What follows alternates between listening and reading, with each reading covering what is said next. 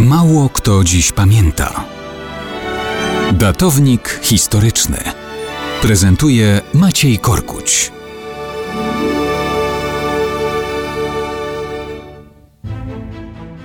Mało kto dziś pamięta, że 20 listopada 284 roku cesarzem rzymskim został ogłoszony Valerius Diokles. Dla większej powagi i splendoru rozbudował on końcówkę swojego imienia i panował jako Diocletianus, czyli po naszemu Dioklecjan. Był to pierwszy w historii Rzymu cesarz, który, jakby to powiedzieć, odszedł na emeryturę. W dziejach jest kojarzony przede wszystkim z okrutnym okresem prześladowania chrześcijan. Będziemy jeszcze do tego wracać, ale dzisiaj o samym Dioklecjanie. Najprawdopodobniej był potomkiem greckiego wyzwoleńca. Jego ojciec był skromnym i niezamożnym urzędnikiem.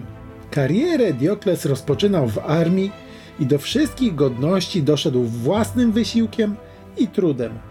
Chociaż ostatecznie na tron wyniósł go spisek oficerów armii powracającej ze wschodu. Panowanie Dioklecjana trwało aż 20 lat.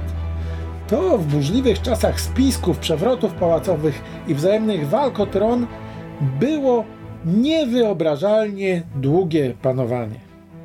Dioklecjan zreformował zarządzanie imperium. Zmienił organizację wojska, wprowadził podatki uzależnione od ilości ziemi, liczby pracowników i posiadanego inwentarza. Zmian było wiele, ale też było wiele wojen. Toczył Dioklecjan różne boje u granic olbrzymiego imperium, co nie mogło być łatwe. Ledwo doprowadził do porozumień z Persją na wschodzie, a już zaraz potem musiał walczyć w Galii i odpierać ataki Germanów nad Renem. Potem walczył z Sarmatami nad Dunajem, a zaraz z arabskimi plemionami daleko na wschodzie.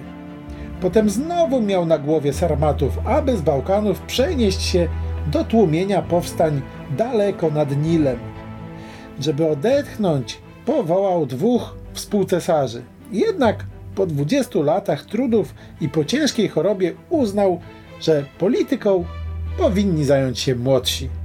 Wyszedł przed żołnierzy, ogłosił, że ustępuje z tronu i wskazał swojego następcę. Po czym zabrał się, wyjechał do Dalmacji i w swoim pałacu zajmował się spokojną hodowlą jarzyn. Dzięki temu bezstresowo dożył swoich dni. Taki to był pierwszy w historii rzymskiego imperium cesarz emeryt.